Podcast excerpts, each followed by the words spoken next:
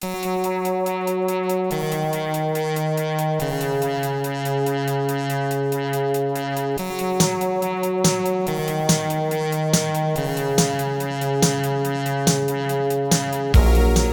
to First Draft with me, Sarah Enni. Today I'm talking to Sona Charaipotra, co author of young adult books Tiny Pretty Things and Shiny Broken Pieces.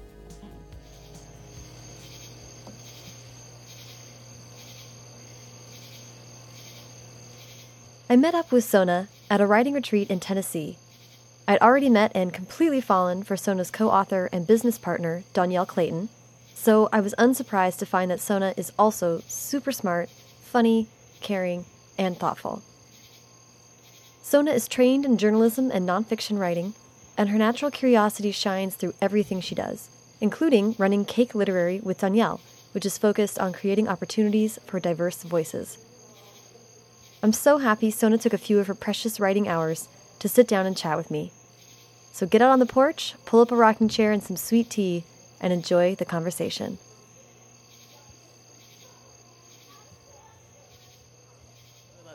Um, so thanks for taking the time to sit down with me. I appreciate it. No problem. And Sona, do you mind um, pronouncing your last name for me? It's Charaipotra. Charaipotra is a beautiful name, and I did not want to butcher it. um, so thank you for helping me out. No um, the okay, so we love to start at the beginning, which is where were you born and raised? I was born in Iran. Um, I'm not Iranian. Okay. I'm of South Asian descent, in, uh, Indian Punjabi specifically. Mm-hmm. But my parents are both pediatricians, and they were both working in Iran Wow. when my sister and I were born. And then the Shah fell, and we fled the country because you had to. Mm-hmm. And um, we ended up moving first to Houston, Texas, because my dad's brother was there. Mm-hmm. And we moved in with them for a little bit, but my mom does not like living in somebody else's house. Mm-hmm. So then they decided to move to New Jersey because there was more opportunities for doctors there. Mm-hmm. And I grew up in Central Jersey. Cool. Yeah. How old were you when you had to flee Iran? When we got here, I had just turned four years old. Oh, okay. okay Yeah. So it was real early. Yes. Do you so have- I don't remember a lot of it. Okay. I was gonna say, I've do been you have- told. Do you have memories of adjusting to the U.S.? I do have some memories. Like my parents always tell me the story. The day we got here was Halloween. Really? Yes, and obviously my sister and I, my sister's a year and a half younger than me. We didn't know what Halloween was, and neither did my parents, and we just saw like ghouls and goblins and scary things walking around, Oh and we're like, God. where are we? That's And- the most weirdly American day. Yeah, I've written that into a book because how can you not? Oh my God. It's like, yeah, so it's like so we got here on Halloween and it was just a surreal thing. I'm kind of obsessed with that. Yeah. It's such a great visual. I mean, like, it would have been genuinely terrifying. Yeah. And like my parents always tell me like the first time we had pizza, none of us liked it. Really? Yes. Oh and I think it was Pizza Hut. Which now is like I'm writing that into a book too, Oh but it's in a different way because now like our family when it's a big family gathering and there's like 40 of us in New Jersey, so like if it's a small party, it's 40 people. yeah. we will if it's not at home, it's like at Pizza Hut. And so English is not your first language. No, um, so apparently when I was little, I spoke Persian and Hindi, Wow. and when I got here, I picked up English, mm-hmm. but I lost the Persian. Oh, okay. Yeah. But I can't read or write Hindi mm. because my parents didn't really focus on that. They really wanted us to uh, solidify our English when we got here. So mm-hmm.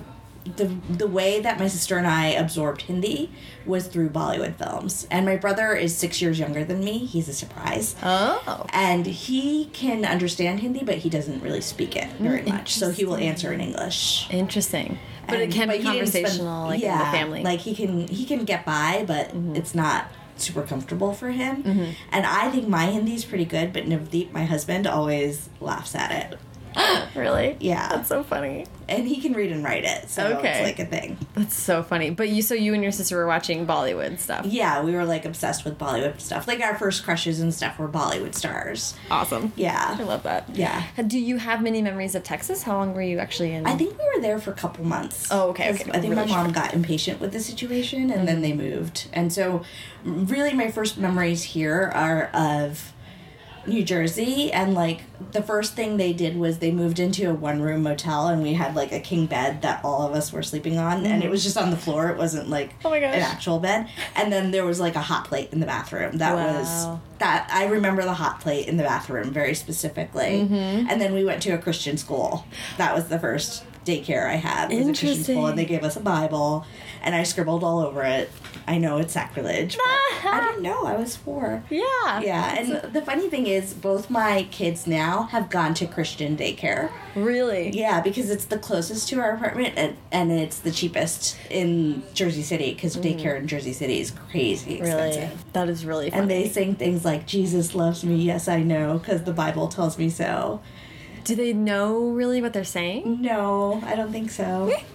I mean, when anyone's four, you sing a bunch of stuff that you don't really like. A lot of those songs that I we mean, sing it to kids are kind of crazy. It was pretty charming, you know. Right. Like, and I, we're not very wor- worried. Like, I'm not super religious overall. Mm-hmm. My husband's more religious than I am, but like, it's just like, and they know all different kinds of kids and like all different colors and everything because Jersey City is super diverse. Mm-hmm. Yeah. So I think that's more important to us than like, oh yeah, they're drawing pictures of religious symbols or whatever. yeah, like crosses. Yeah. It's very, very interesting. Yeah, Uh, but, but, my mom went to Christian schools too all the, the whole time she was in India because so she was taught by nuns because those are the schools that were considered better quality, Mm-hmm. and so she has seven brothers and two sisters, so Oh there's gosh. ten of them total, and the I always say that the way I came to any kind of arts is because after the partition in India, which was 1947, they divided India into India and Pakistan, and then later Bangladesh too. Mm-hmm. A lot of people fled the er- area that was Pakistan if they were Hindu because it was religious warfare essentially Right. happening. Both my dad's side and my mom's side did that, and uh, my dad's side ended up straight in uh, Delhi, Mm. but my mom's side they went to Bombay first, which is where uh, the Indian cinema industry is Yeah, yeah, based. yeah. Because my grandfather decided to take all the money that he had taken from Pakistan and put it into Bollywood films. And so he was a producer on two films, and they both flopped. And he lost essentially all their money. Oh, and then they eventually moved to Delhi. But so I blame him for the artistic side of our family. yeah, and the, all the Bollywood love and Yeah, uh, it's in real. blood. And my mom remembers being on set and stuff like that. Wow. But so she was the academic out of the ten of them, and um, because of that, even though she was a girl, and in India they don't necessarily overeducate girls. Like overeducate, that's the word. Right. You're overeducated. Knows no one's gonna marry you. That's like the sense. Interesting. But so she wanted to be a doctor from a really young age. So Mm-hmm. Because she was so serious about it, they put her in the Christian schools, and she did become a doctor. yeah. Yeah, Way to go, your mom. yeah. so she was a good role role model for me. Yeah. Being the kid of two doctors. Yeah. Okay, well, then this will lead into my question, which I'll ask you now, which is growing up um, and in your house, how was reading and writing? Like, how was that a part of your growing up? My mom was really open to books. Mm-hmm. That was like the one thing she would always let me spend money on. Mm-hmm. Like the one thing, like freely, like whatever books I wanted, she would get them for me. Mm-hmm. That was always her thing. She was like, read whatever you want. That doesn't mean that they were thrilled when I decided not to follow in their footsteps and become a doctor. My dad still says to me now, you know, you could still go to medical school. Oh my goodness. Yeah, so like I was reading voraciously as a child, and I I think I was writing stories pretty young. But when I decided I wanted to be a writer, that wasn't necessarily They're like the favored move. Well, um, well, how? So, I'd love to know what kinds of stories you were reading. Like, what do you, what, what stands out for you as reading from a kid? I read kid? all the Babysitters Club. Then I was reading like things like the Vampire Diaries Oh God, and yes. Um, all of those. And um, but my favorite stories as a kid were probably like Anne of Green Gables and Little Women Oh. Mm-hmm. and like I wanted to be like the feisty go getter. Yep, Jo March. Jo and Anne from the start. Love and I, I at the time like you know you talked to Dhonielle and you know like one of the things that brought us both to Cake is that we didn't see ourselves in books, but I didn't really realize it so much when I was little. It became far more stark to me as a teenager, and then like the first time I met a writer of South Asian descent. I was in college at Rutgers, and her name was Ameena Meer, and she wrote a book called Bombay Talkie, which would now be considered YA, but back then I think it was just considered adult. Um, and it was about an Indian Muslim girl um, who grew up in Massachusetts or something. So it was like the first character that I could sort of relate to. Um, and she came to Rutgers to do a signing because her cousin went to Rutgers, and I got to meet her. And I told her, "Oh, I really want to be a writer too, but I didn't know I could do it." And she said to me, like, "Don't worry, you're going to be golden." And my name means gold, so she was playing off my name, and she signed the book for me, and I was just so excited That's amazing. and it was really it was like a surreal experience because like i sort of knew that people could write books and like do that for a living i'd seen authors Mm-hmm. i hadn't met any in person at that point but like you knew who judy blume was Right. and who anne m martin was and like all the pictures people. on the Yeah. flap and stuff like that. But it was like still kind of removed and weird. Yep. And so that made it more like something you could actually reach for. yeah, that's huge. Yeah. And not only to meet a writer for the first time, but to meet a writer that you're like, you look like me. like me, Yeah. yeah. like this. This is real. It can happen. The, do you remember? Do you have a memory of when it became real to you that you had not read a book that represented your experience? I think that the first time it occurred to me was I discovered Chitra Divakaruni, who is also a writer of South Asian descent. She's now in Houston or something like that, and she wrote adult. And the first short story collection I picked up of hers was called Arranged Marriage, mm-hmm. and it was just it was an immigrant experience mm-hmm. exploration sort of. And so I saw brown characters, but they were all like they were more like my parents, I think. Mm-hmm. But then I read every single book that she put out. Like I had to pick it up.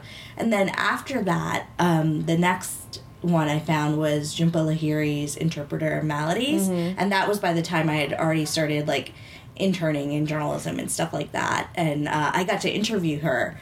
We did her for uh, I worked at People magazine, and we did her for the 50 Most Beautiful People issue. Really? After she won the Pulitzer, and I interviewed her, and that was really cool. That's so exciting. Yes. Oh my gosh, I love moments like that. Yeah. Um, so when you so when you like realized that that you weren't seeing yourself, I mean, I'm just curious if as a high schooler you were like angry about it, or did you have like feelings about being removed? I mean, it was hard to be angry about it because I didn't know it was an option, you know? Right. Like, it's it was just not, it didn't occur to me that it could be an option. Right. Right. Which I feel so bad for myself now, Yeah. like, thinking about that, but like, and it really pisses me off now because my daughter is six and still, like, she's pretty desperate to see herself. Right. And she always tells me, Mama, can you put my name in a book? And she always says, Mama, can we write a book together? And I say, Aw. Yeah, we can. That's like, really let's cute. do it because why should she have to wait? She's a go getter. I love it. and the thing is, like, it's like 2016. It's like, come on, guys. Yeah, we're pretty far behind. Yeah. in a lot of ways. But um, yeah, because I'm thinking even the Babysitters Club like was taking like baby steps, but they Uh-huh, still like weren't- Yeah, Claudia. Is, Claudia was cool. She's like the stand-in for like every Yeah, non-white. Yeah, like you put yourself in her shoes Yeah. for sure. which is And the the cool thing about Claudia was that she was cool. Like Yes. she wasn't the like put upon, harassed, uh, you know, character. And she, was also like wasn't the cool girl. Yeah, she also wasn't like uh, uh, made to be the like Asian girl stereotype Yeah. of like being the really smart, put together, like Yeah, she like was type like A. Yeah, she was like. I mean, I wanted to be Claudia. She was the shit. Yes, I think Claudia was awesome. it was a, a jumping point for better Yeah. things. Um, so, so was it college when you decided you wanted to be a writer? Um, I think the first time I had any inclination was probably like sixth grade. I had a teacher named Miss Pinter, and she was awesome. Like she was really, I think she's like that cool teacher that you hope every kid has, but not every kid gets. And like so, she like the end of the day. This wasn't required at the time. I think more schools are doing it now, but she would spend the last half an hour a day we would ring the xylophone. One person would get to do it every day, and they would get to sit in the butterfly chair and announce that it was reading time, and we'd spend the last half hour reading. Um, like and heaven. then, like, we would get to talk about the books and stuff like that. And then she had us writing a lot of like short stories and stuff in that class and she was the first one who said oh you really have a knack for this and i had never heard that before and i i was kind of floored by that and i think mm-hmm. it stuck with me from that point although i didn't act on it for a really mm-hmm. long time and then um, again in like 11th grade i had another professor a teacher who who recommended that i think about it Yeah. and so I think there were people along the way that sort of pushed it. Mm-hmm. But then, like, my dad was like, when I got to college and I wanted to major in English, he was like, What are you going to do with an English degree? And so then I majored in journalism because there was a job in the title. And he wasn't thrilled about that. But so my majors were journalism, American studies, and I had a minor in English. really? Yeah. Oh wow. So is American Studies like sociological or historical or? Yeah, sort of like all of it. It's kind of like interdisciplinary and a lot of it. So my focus on American studies was really pop culture. Okay. So I I did papers on like Madonna and New Kids on the Block and like the boy band culture and Awesome. like the implications that like come with it and stuff like Mm-hmm. that and how it's a safe place for young women to explore sexuality. Oh my gosh, I could talk to you about that forever. Yes. But that kind of stuff is so interesting. Yeah, and so uh, half of me thought like I would go into academia Mm-hmm. a little bit, but then I started interning at magazines when I was a junior, Mm-hmm. and then that's how I ended up doing journalism for a long time. Cool. Yeah. So the so you kind of were starting to write and you said you kind of wrote stories pretty young Uh-huh. and the sixth grade was a little bit of the creative were you did were you doing creative writing at all like in spits and spurts or was it I was like I was I have like a short story from when I was like 14 Mm-hmm. and it was pretty much a knockoff of something I read like and it was all white characters. That was the other thing that I always remember. It was always like white characters at that. And then so I I took a um creative writing class. It was a screenwriting class my junior year in college. And it uh, Rutgers didn't have very many, and they just had one that was sort of like a random screenwriting class, and you had to apply to get into it. And both my sister and I got into it, and we were both writing, working on stuff, and those were brown characters. And then I decided to get a degree, like an MFA in screenwriting, um, after that. So while I was working at People, I was getting a master's in screenwriting at NYU. But my dad was really like, "Oh, you need to get a master's. You need to get a master's." So he he was like, "Get a master's in something," and I was like, "Okay, I'm gonna get a master's in screenwriting," which again was not what he was looking for. but you know, I have a master's, and um, so I had to do Gallatin because um, you can't do NYU's film school part time, and I was working. So interesting yeah. okay yeah yeah And it was really cool because you were allowed to take some really interesting classes. And my thesis at NYU, I used to write screenplays with my sister a lot. And that thesis script was developed by MTV Films for about a year. It was like right after Monsoon Wedding, and um, they wanted more brown girl projects. Mm-hmm. And we'd gone to LA to pitch something else. But then I mentioned the thesis script, and they were like, there was a bunch of producers who were really keen on it at that mm-hmm. point. And then eventually, um, so we worked on it with this guy at MTV Films, and then by the time it was ready, it took like a year to mm-hmm. really like edit it into shape for him to take it to his boss. Mm-hmm. And then Bride and Prejudice came out, which was this not as good movie. Didn't do so hot. Yeah. I was like how do i put this? But Oh, like no. um and so at that point they were like no we don't want any brown girl projects. And that was Boy, that. One failure. Yeah. And then i got into fiction because i decided to adapt that script into a book. Okay, let's like back up a little bit. Uh-huh. because I'd love to hear a little bit about your decision to pursue screenwriting. Like, what was it about that medium that really clicked for you? i think it was because there was such a lack of us on the screen Mm-hmm. for one thing and also it was like a less intimidating medium because Really? a script is 120 pages 90 to 120 pages Mm-hmm. and you can really it's so visual and so fast Mm-hmm. almost that it was less intimidating There's a a lot less on the page. Yes, and I always used to say the the words "I don't think I have a book in me." Like that was a phrase that I like to pull out? And I think it was my husband that was like, "Stop saying that," because Wow. he's a writer too, and he was like, "You you definitely do have a book in you," and he was the one that made me get my MFA in fiction because he knew I wasn't gonna actively finish anything if I didn't do that. He wanted me to have time to focus on it. Yeah, that's amazing. Yeah. So, um, with the visual stuff, I'm curious about when you were a reader and stuff like that as a kid. Were you a, are you a really visual reader too? Is that Yeah, I think so. Yeah. Yeah, definitely. because not everyone is, which is like funny. I'm also really visual, Uh-huh. but not like even not as much as a lot of other people. But I did I did know someone who, at some point, told me they read and they read a ton, but she was like, I never visualize as I'm reading, and I was like, what? like wait. But how do you not? Yeah, I was like, I don't understand. aren't you seeing it in your head? Like She was just like, no, I just read the words. I can't. I can't see. Like I can't even fathom that. I know. It was totally shocking to me. And it was just this funny thing where I was like, oh, but not everyone does that. But then I think the the pull of screenwriting or even looking at TV and stuff like that is from people Yeah. who see the movie as and I was very pop culture oriented. I think that was the Mm-hmm. other aspect of it. Like I was big movie and film and music buff as a teenager, and Mm-hmm. that's why I ended up working at. I um, interned at Teen People first, which was new at the time. It Yeah. was, I was there for the launch.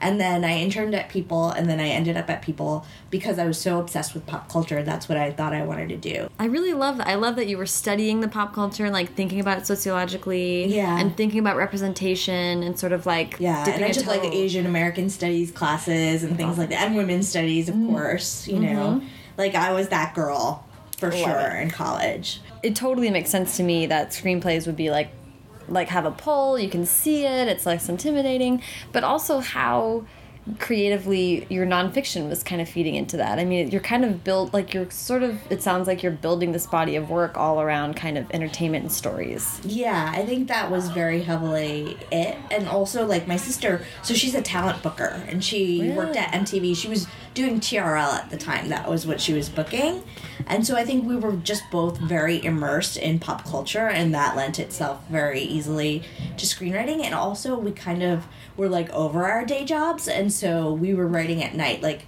the cool thing about working with a partner, and so she was my first collaborator before Dhonielle, um, was that you always had somebody to be like, no, we got to do it. So my time at People Magazine, like I had days where I didn't get home till four a.m. Like Whoa. nine thirty in the morning to four a.m. because it's a weekly magazine. The cycle was just vicious.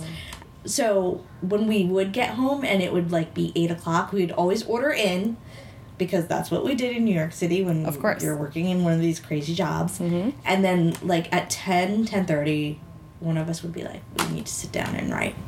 And we would do it because we wanted to do something else with ourselves. to get out of that cycle Yeah. Yeah. Yeah. wow that's And- amazing Yeah, and we got close, but it's really hard to sell a script. So yeah well when did you when did this whole process did you meet your husband the really fun thing was that I met him on a trip to LA. So so my husband's from California. Oh, okay. He actually grew up all of over the place. He's British, but he grew up in Tanzania and Nigeria and then he lived in Dubai until he was like about 13 and then his family moved to California. Wow. So he spent his teen years in California and he still has like a British-ish accent. And He's like the um, he has international very- accent. Yeah, he has very British humor ah love it which so our humor is not the same although i find him very funny uh, and I, I liked him because he was funny. And we met online back before everybody met online and we met on a site called indiandating.com which was like the non-committal indian dating how do you mean that? Uh, because a lot of them are called like shadi.com and things like that and shadi means marriage. Like that's what the word translates to Got and it. that's what a lot of people do. They go on there and they have a specific serious intent. And so i had never dated an indian boy before so i was like okay let's see and i never met any because i was working in entertainment Right. where everybody was either white or like old or gay. A lot of them were gay. Or white and old and gay. Um, yeah all, all of the above. And Yeah. like um yeah so like and like i was working crazy hours and stuff too. So i was like let me see what happens. And i didn't find anyone of interest in new york. But his profile was just really funny and he was getting his mfa Mm-hmm. in creative writing and he was a writer and he just said funny things in the profile so i sent him like one of the wink thingies or something because i hadn't paid for the site Oh yeah, a and he thing. responded with the subject my uh, screen name was sugar cube and he had responded with cheap ass sugar cube and i think it was like a done deal after that but like Oh. so i was in la doing script stuff with my sister um, and he so he lived in uh, fresno which is actually like four hours from la Yeah. he drove down to come and hang out and i almost didn't go downstairs because i was really nervous and like you know back then it was like internet what if you get killed Right. and things like that Right. but um like we hit it off and it was just like after that it was just like That's that was so it. cool. i think that the part of the reason we fit is because he's a writer too and he gets it. Mm-hmm. and i know that some people say oh two writer couple that's not gonna work but for us it really works. Yeah. because i think especially with like the south asian community it's not something that happens that often. Mm-hmm. Like you're a doctor or a lawyer or an engineer mm-hmm. right? So i know he's had that experience too where people have judged him for those choices. Mm-hmm. And i've definitely had that experience as well. And i think that together it's like well oh well whatever. Yeah. we get it yeah. you know? That's really that's like and then being able to relate to one another and then And, also like- like, reinforcing each other's choice. yeah and like being like okay we're gonna be poor but it'll be all right. Mm-hmm. we're doing what we want and being able to be like i'm gonna go into this room for six hours and i will see you then Yeah.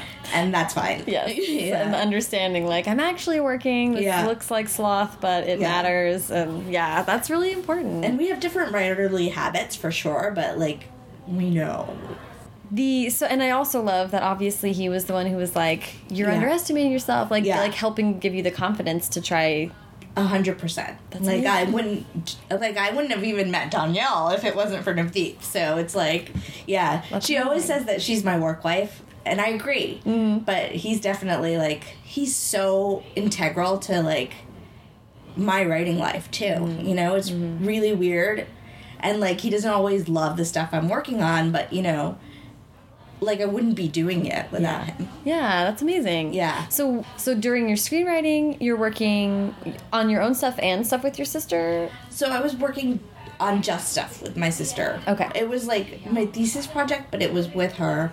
And then I finished that program in 2006. Mm-hmm. And then my husband and I, we couldn't figure out where to live Mm. because I was in New York, he was in California. I don't drive. Oh, I still don't drive. And so we ended up going backpacking for like six months through India. Wow. And we were blogging while we were doing it and like making videos and things like that. Wow. And it was really fun because we have very different travel styles. Like, he lived in China for three years teaching English. He slept in a tent in Mongolia and, Oh my gosh. you know, done all this, like, intense, crazy backpacking stuff. And I'm like, hey, when we go to Rajasthan, can we stay in the, like, renovated palaces? And so it was, like, kind of a mishmash of both those experiences That's cool. and it was the first time we'd been extensively together because we were long distance for so long. yeah. So it was a really fun trip, and I think a very interesting crash course in being a couple. Mm-hmm. When we got back from our trip, I started getting gigs. Like journalism stuff, do like I, I ended up at People for a little while. Then I spent some time at ABCNews.com.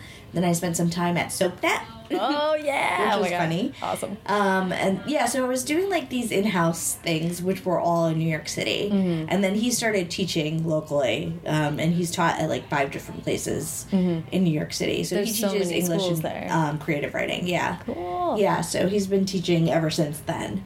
Yeah, and then so I started adapting the screenplay that was developed at MTV Mm-hmm. into a novel, but it was going very, very slowly because fiction was new to me. So, Mm. Yeah. like, I, I didn't really feel like I had the skill set for it. Well, and and having your first fiction writing experience be an adaptation, that's like all kinds of stuff goes along with that. Yes, that's intense. It was weird, and and and I kept saying that like I don't think I have a book in me, and he was like, "Go to school." Yeah. and I was like, "Are you crazy?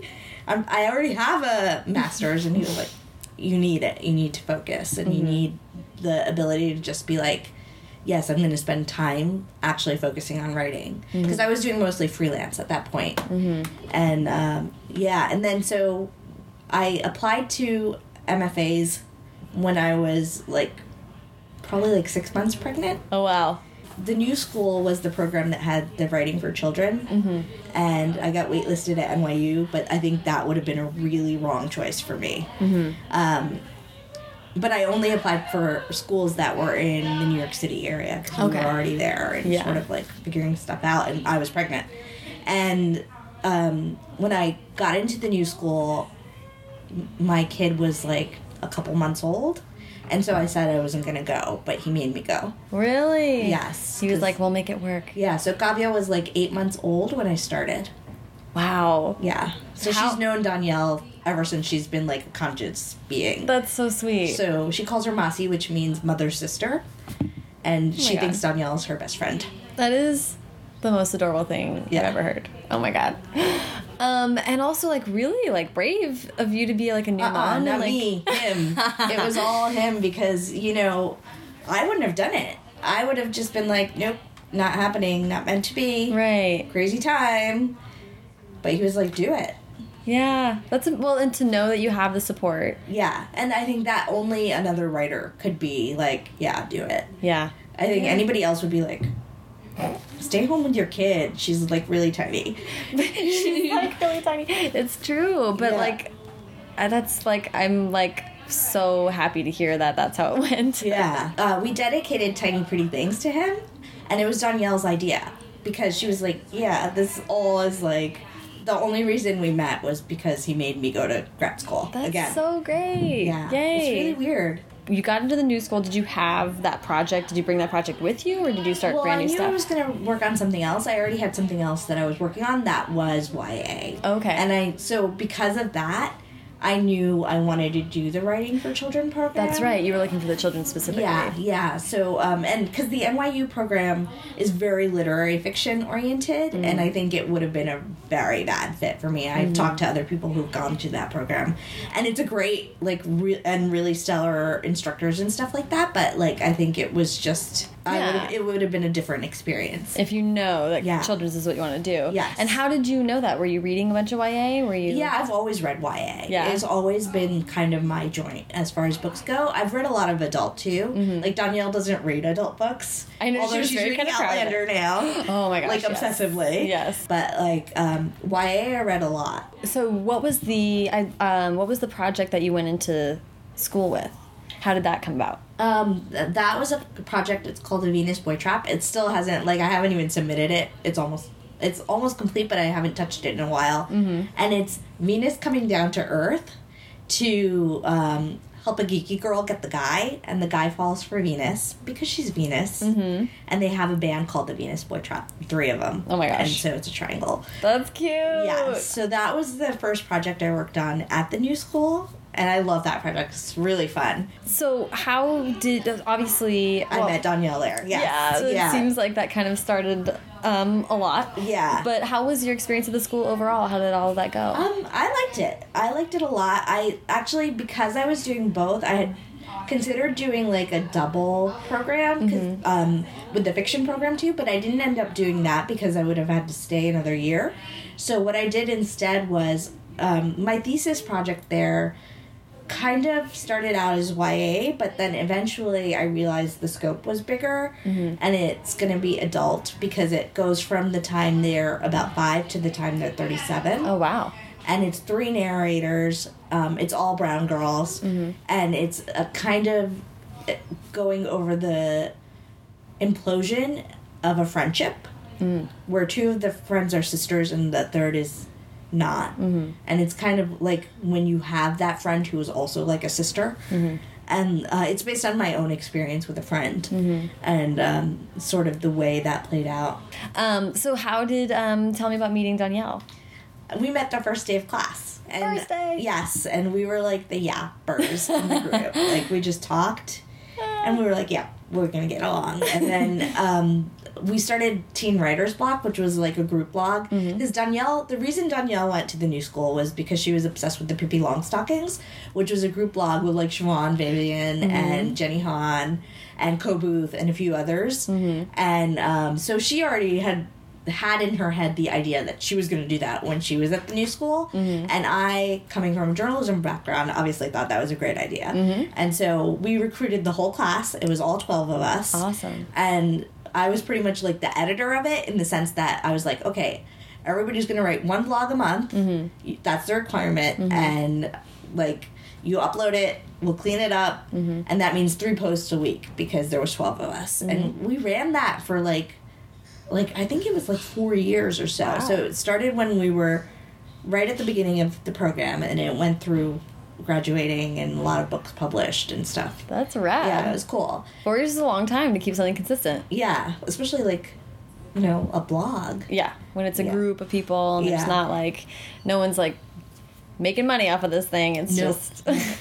yeah, but so that I think that was the first like real connection because we decided to do that, and then Navdeep designed the site, of course, because we make him do everything, and um, and yeah, so D came over um, with one other of our classmates to work on blog stuff. And she met Gavia and they hit it off, and I think that was the beginning of our friendship. Aw. She liked my baby. Yeah. I was like, okay, this got, works. you got to be in with the baby. Yep. Gavia loved her like Aw, immediately. That's so great. Yeah, kids love her. And like working with on her with the blog would be a good way to see like that you work well together. Yes, we did work well together right from Yeah. the beginning, and we were like critique partners from the beginning and stuff. We wrote very different stuff, both Mm-hmm. of us. But like, I think also like it was an interesting dynamic in the class because it was relatively diverse. Mm-hmm. There was five out of twelve people who were of uh, minority backgrounds, and that is statistically pretty solid numbers. Mm-hmm. Um, but still, like, I mean, that's one of the things that came up at the new school while we were there.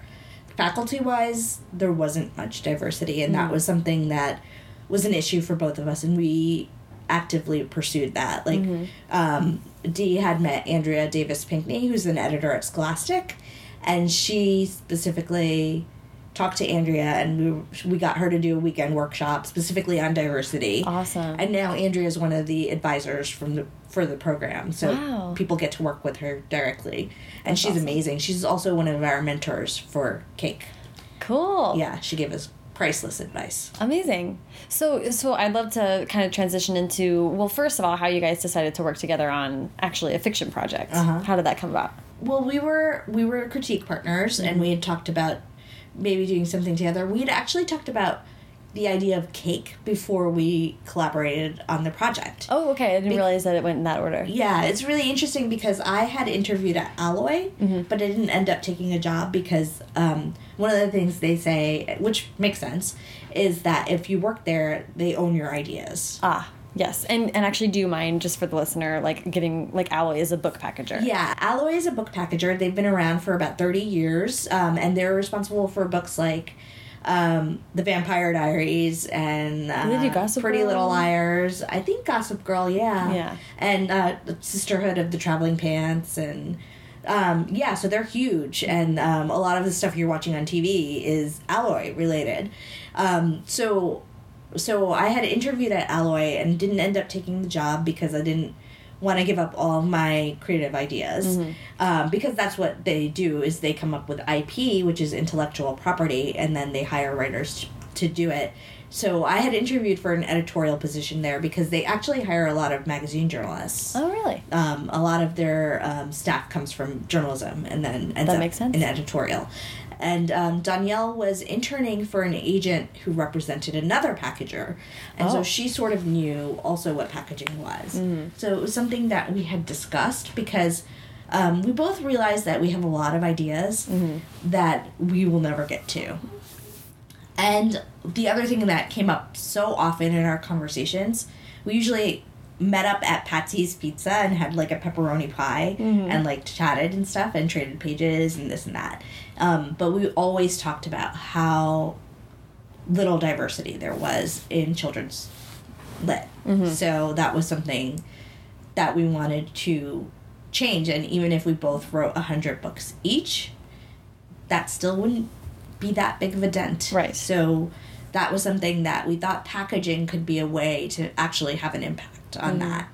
So we were plotting that sort of, and then we knew because we weren't a brand name mm-hmm. and neither of us were published at that point mm-hmm. that we needed something to build that brand off of, and that's why we decided to collaborate specifically on something. And then when Dhonielle told me that she used to teach at a ballet school and she wanted to do something in that world, I was like, yeah, that's it.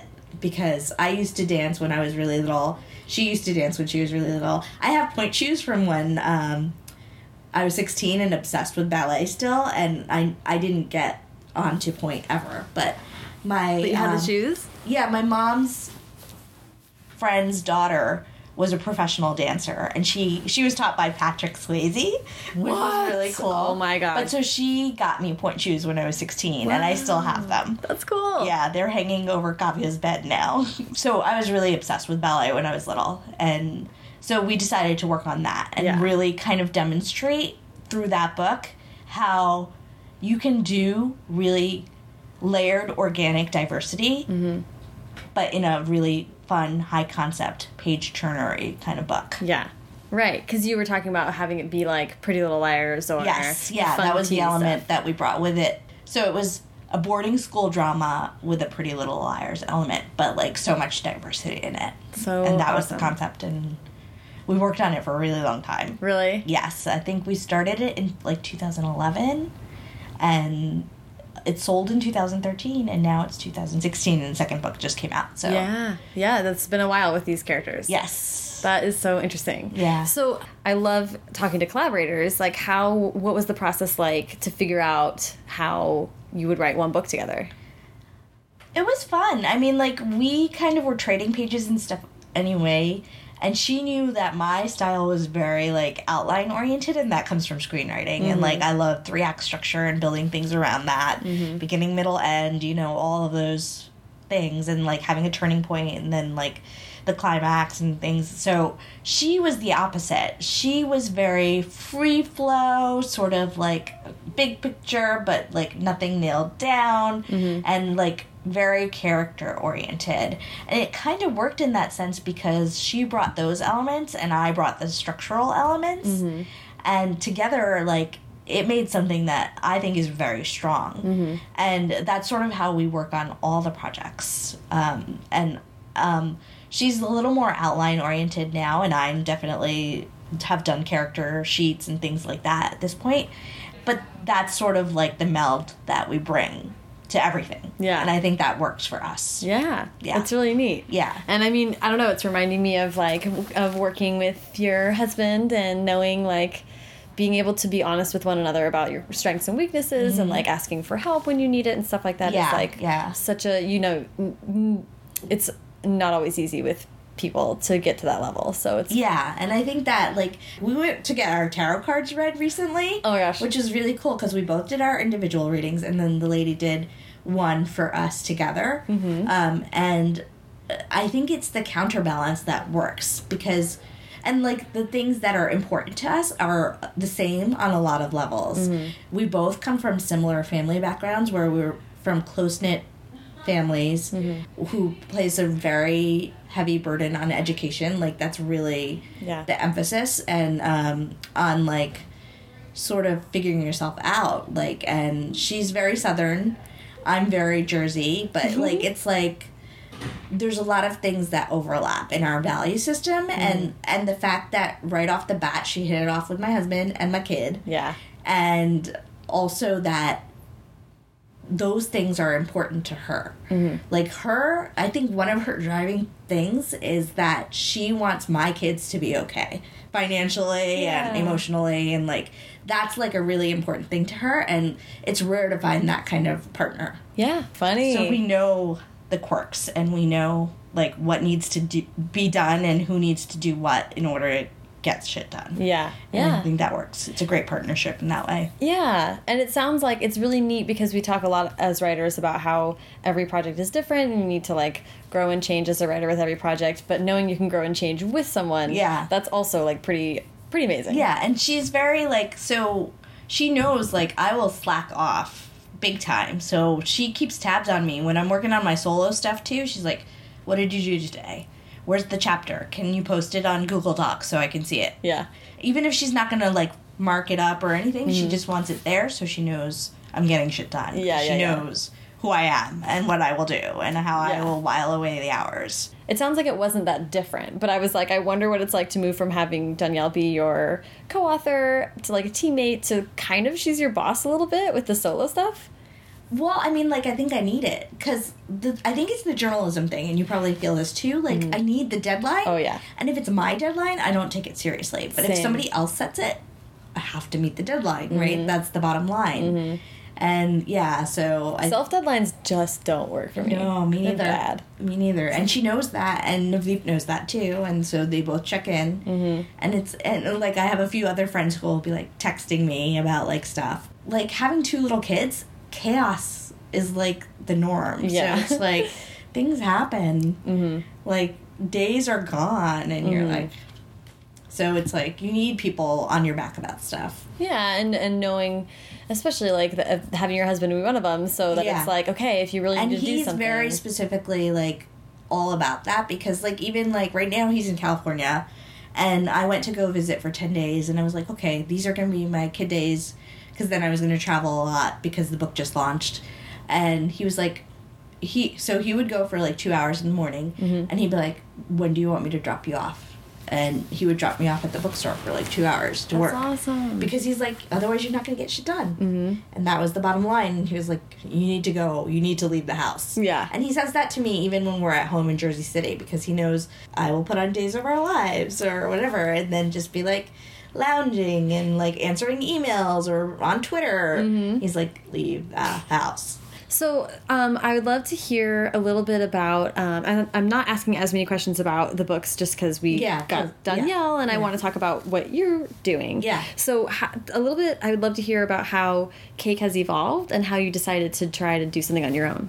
Well, okay, so um, we've got a lot in the works for Cake. Um, it's really exciting because we've been working on this for, God, like five years now. And um, uh, the first two books are just me and Dee, and we've had a couple others that are on like sub and stuff like that that are going to be us.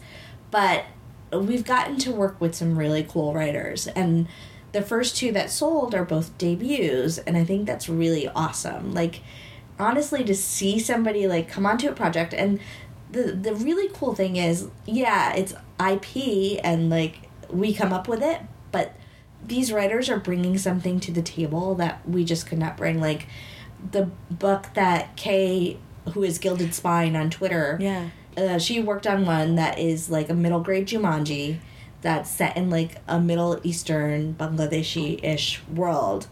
And it's a little hijabi girl and it, it sold to Salaam Reads, which is at Simon and Schuster. And it's just amazing. The voice is amazing. The diversity is amazing. The flavor that she brings to the book is like so cool. And then the same thing for like the other one that is announced is um, Love Sugar Magic, and it is a family of Brujas in a border town in Texas. Um, they're Mexican American. They run a bakery, and the baked goods are magic. And the the youngest one didn't realize her family was witches, and she discovers the book, and she starts doing magic, and chaos ensues, and there's like flying pig cookies and stuff like that. And the author is Anna Meriano, who is a new school grad, and who that's where we met her, and she's Texan and half Mexican American, and she just brings something to that book that neither of us could bring. Mm-hmm. And it's the first book deal for both of them. We've gotten to sort of walk them through the process and stuff like that, and it's just amazing. It's so awesome to see somebody on the path, and Yeah. sometimes it can be such a difficult road, and like just just to make the path easier for somebody is so cool. Yeah, that's actually something I really wanted to talk about because you had a great quote from an interview that I read um, before, and it says, Find people who will lift you up, find people who have the information you need, and when you have the opportunity, pay it forward. Yeah. And then you talk a bunch about mentorship when you're talking about cake and what you guys, your stated goals and everything. Mm-hmm. And I think mentorship isn't something we necessarily talk about all the time. Yeah. But it's so fundamental, especially for women and people of color, like to Yeah. share their experiences and I come other. from like in coming from journalism. It's really interesting because uh, I actually talked to uh, my friend Erica, who's also previous people person, about this a lot. person. Because uh, actually, there's a Facebook group called Former People People, which is all just like That's amazing. previous people persons. Mm-hmm. But um, being there at the time I was, I was one of the few brown people on staff. And I've actually talked to people who work there now, and they say there's even fewer. Whoa. And I think that as much as I denied it to myself at the time, there was a lot of racism there. And I mean, not a lot of opportunity for mobility. And I think a lot of it was hmm. because I didn't have that mentor because people looked at me and they didn't see themselves in me, even though I worked my ass off. Yeah. And I think that having that experience, it changes you and it makes your approach to things different. And I think for Dhonielle too, it's like mm-hmm. it's so important. And in publishing, it can be such a closed world. Even though you can query and get an agent and this and that, it's like it's a small community and it's mm-hmm. hard to get in in the door. And the gatekeepers are. Yeah, there there are a lot of gatekeepers, and so I think that's really important to us to to like help demystify some of the stuff that the is in the process, and especially for um, people of color and other marginalized voices, where it's just that much harder. Yeah, yeah, and and like more intimidating. I would think. I would Yeah. imagine, and um, and yeah, to like just like hold a hand out and like to Yeah. Mm-hmm. be able to answer even the most fundamental questions. Like all that stuff is just like makes and people, not everybody can afford to go to the new school that's Mm-hmm. the thing like especially like marginalized voices it's hard it's Right. expensive mfas are really expensive Mm-hmm. and like it was a, a very worthwhile experience for me but dude i still have a little bit of debt to pay off Mm-hmm. that i'm working on hopefully it'll be gone within a year but like you know i can't wait and Right. like not everybody has that opportunity and Mm-hmm. i think that now there's a lot more community where you can learn things about this Mm-hmm. in a different way and if we can be part of that process of like making things clearer for other people Mm-hmm. we're so happy to do that Yeah, because we've had people who have really held a hand out to us Mm-hmm. and i think that it's so important yeah, that's really cool. Yeah. So I wanted to make sure we hit on that because I was like, this is actually something, and I I would love for people to think about it more concretely. Like, Yeah. I think it's important for aspiring writers to think like, how can I find mentors and who do I want to look up to? And like, you kind of have to be proactive sometimes Yeah. to f- reach out and find yeah that. and i think that social media has really opened that world up a lot you Mm-hmm. can really connect with other people in a different way than you could like five years ago even Yeah. And i think that also ya can be very it's like such an awesome community but also it can be a very cliquish community Mm-hmm. yeah, intimidating. there's both sides of it and i think that you have to find the people that are the right fit for you and it's not going to be everybody right, and right. it's kind of something you need to accept. So it's like find the people who are going to cheer you on and be part of your path and do whatever they can to help you, Mm-hmm. and and know that it won't be everybody because there's a lot of competitiveness as well, Yeah. which we've Less experienced like- firsthand. So yeah, less than like adult fiction, I think, Uh-huh. but um, but obviously definitely still there, and actually kind of like the lesson you learn when you go into any professional industry, Yeah. like when you leave school and enter the real world, it's like ah, like find your people and build a life raft together and yeah. Fare the high seas Yeah. as best you can. Because it's like so much of it is like failure. And I think that Totally. being able to share and commiserate and like have people be like, "Hey, you'll get them next time," mm-hmm. is really important because it's like otherwise it's so easy to like just be like, "Oh God, I can't do this anymore," mm-hmm. and it can be a really long road. So But I almost think it's even more telling when there is success. yeah, people who aren't able to honestly and genuinely like welcome and cheer and celebrate with you and people who you've cheered on and then they cannot do that same thing for you. That is, Yeah. I think, the most telling, Yeah. and we've definitely experienced that too. Especially because I think. um like with cake it was a different thing because when we announced our debut we also announced cake and Right. Yeah. It's a lot. Yeah. It's a lot. And then, and you, it is very like, you know, it doesn't have to be like the end of the world. It just tells you something about people, and Yeah, you just need who to you can rely on. I think is really it's important to know Mm-hmm. who you can rely on. And I I haven't always been the best judge of character. Oh my god, yeah. It's a learning phase. Yes. Like, right? It's such a thing. But important to just to not I think it's important to say it's not being like um judgmental. It's just looking out for yourself and Yep. for who's going to be your best Yeah, help.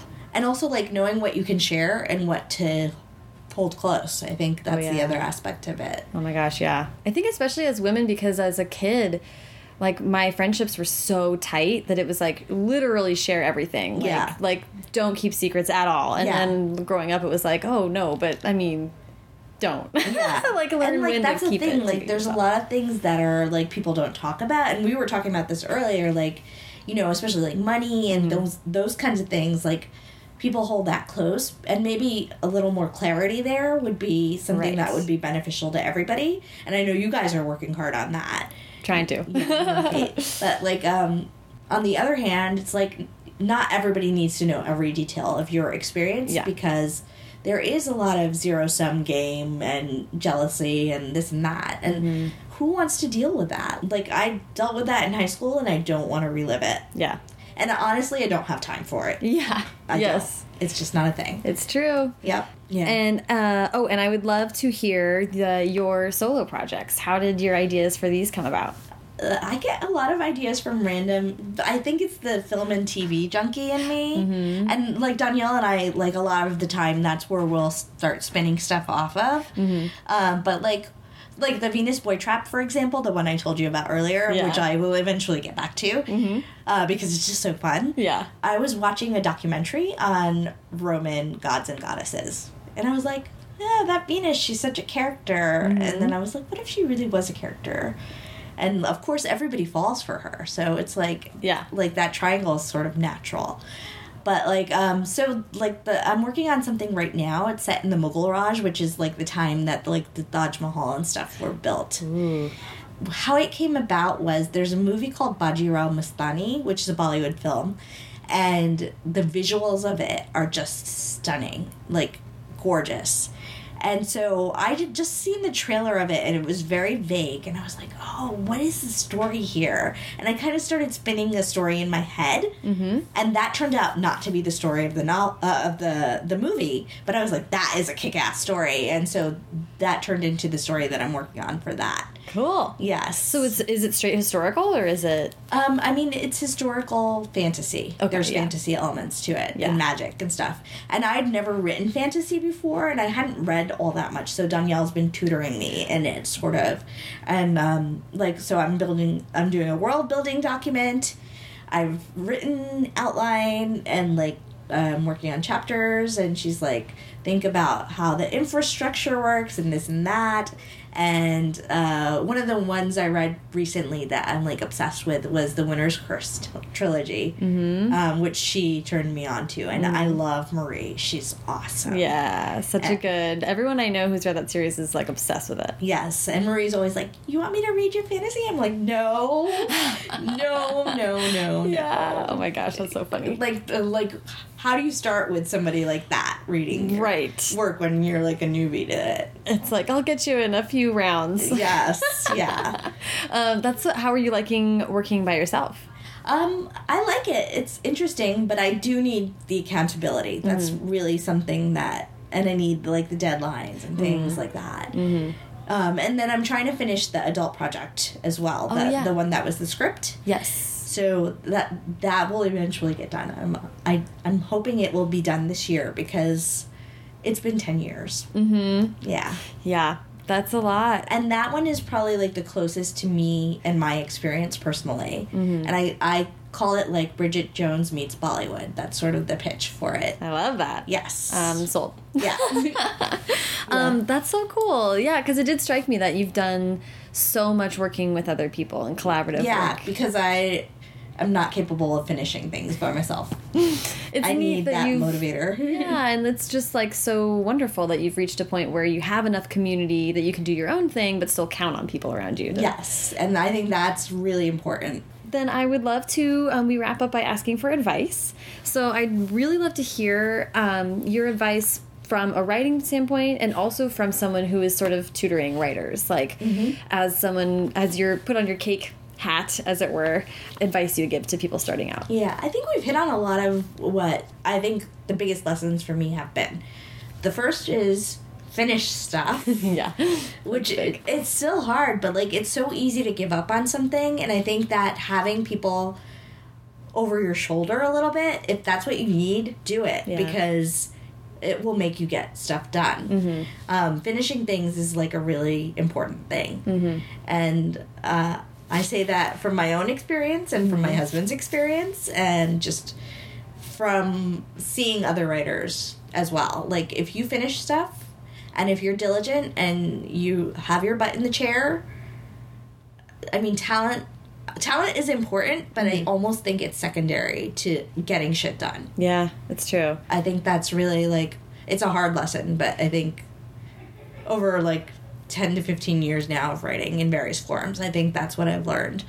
And then find people who will be your tribe, really. I think that's the other thing. People who, are, who can be mentors, but also can be your cohort, sort mm-hmm. of. And like have experiences that you're having and that commiserate and also celebrate. Yeah, definitely. Yeah. Is that and that's your mentor perspective also? Yes. Yay! Yes. I love those are really really good points and ones that are like can't be heard enough. I feel like so. Yeah, seriously. Great. Um, well, thank you so much, Sona. This was so fun. Thank you. Yay! It was so exciting. Let's go have a dinner now.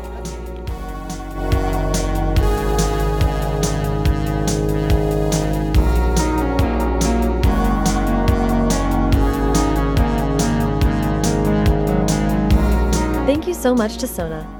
Follow her at Sona underscore C and follow the show at First Draft Pod and me at Sarah Enni. You can also find the show on Facebook and see what I'm up to, as well as get sneak peeks at future guests on Instagram. But for my favorite quotes from this and every episode, as well as book recommendations and the link to sign up for the First Draft newsletter, check out firstdraftpod.com.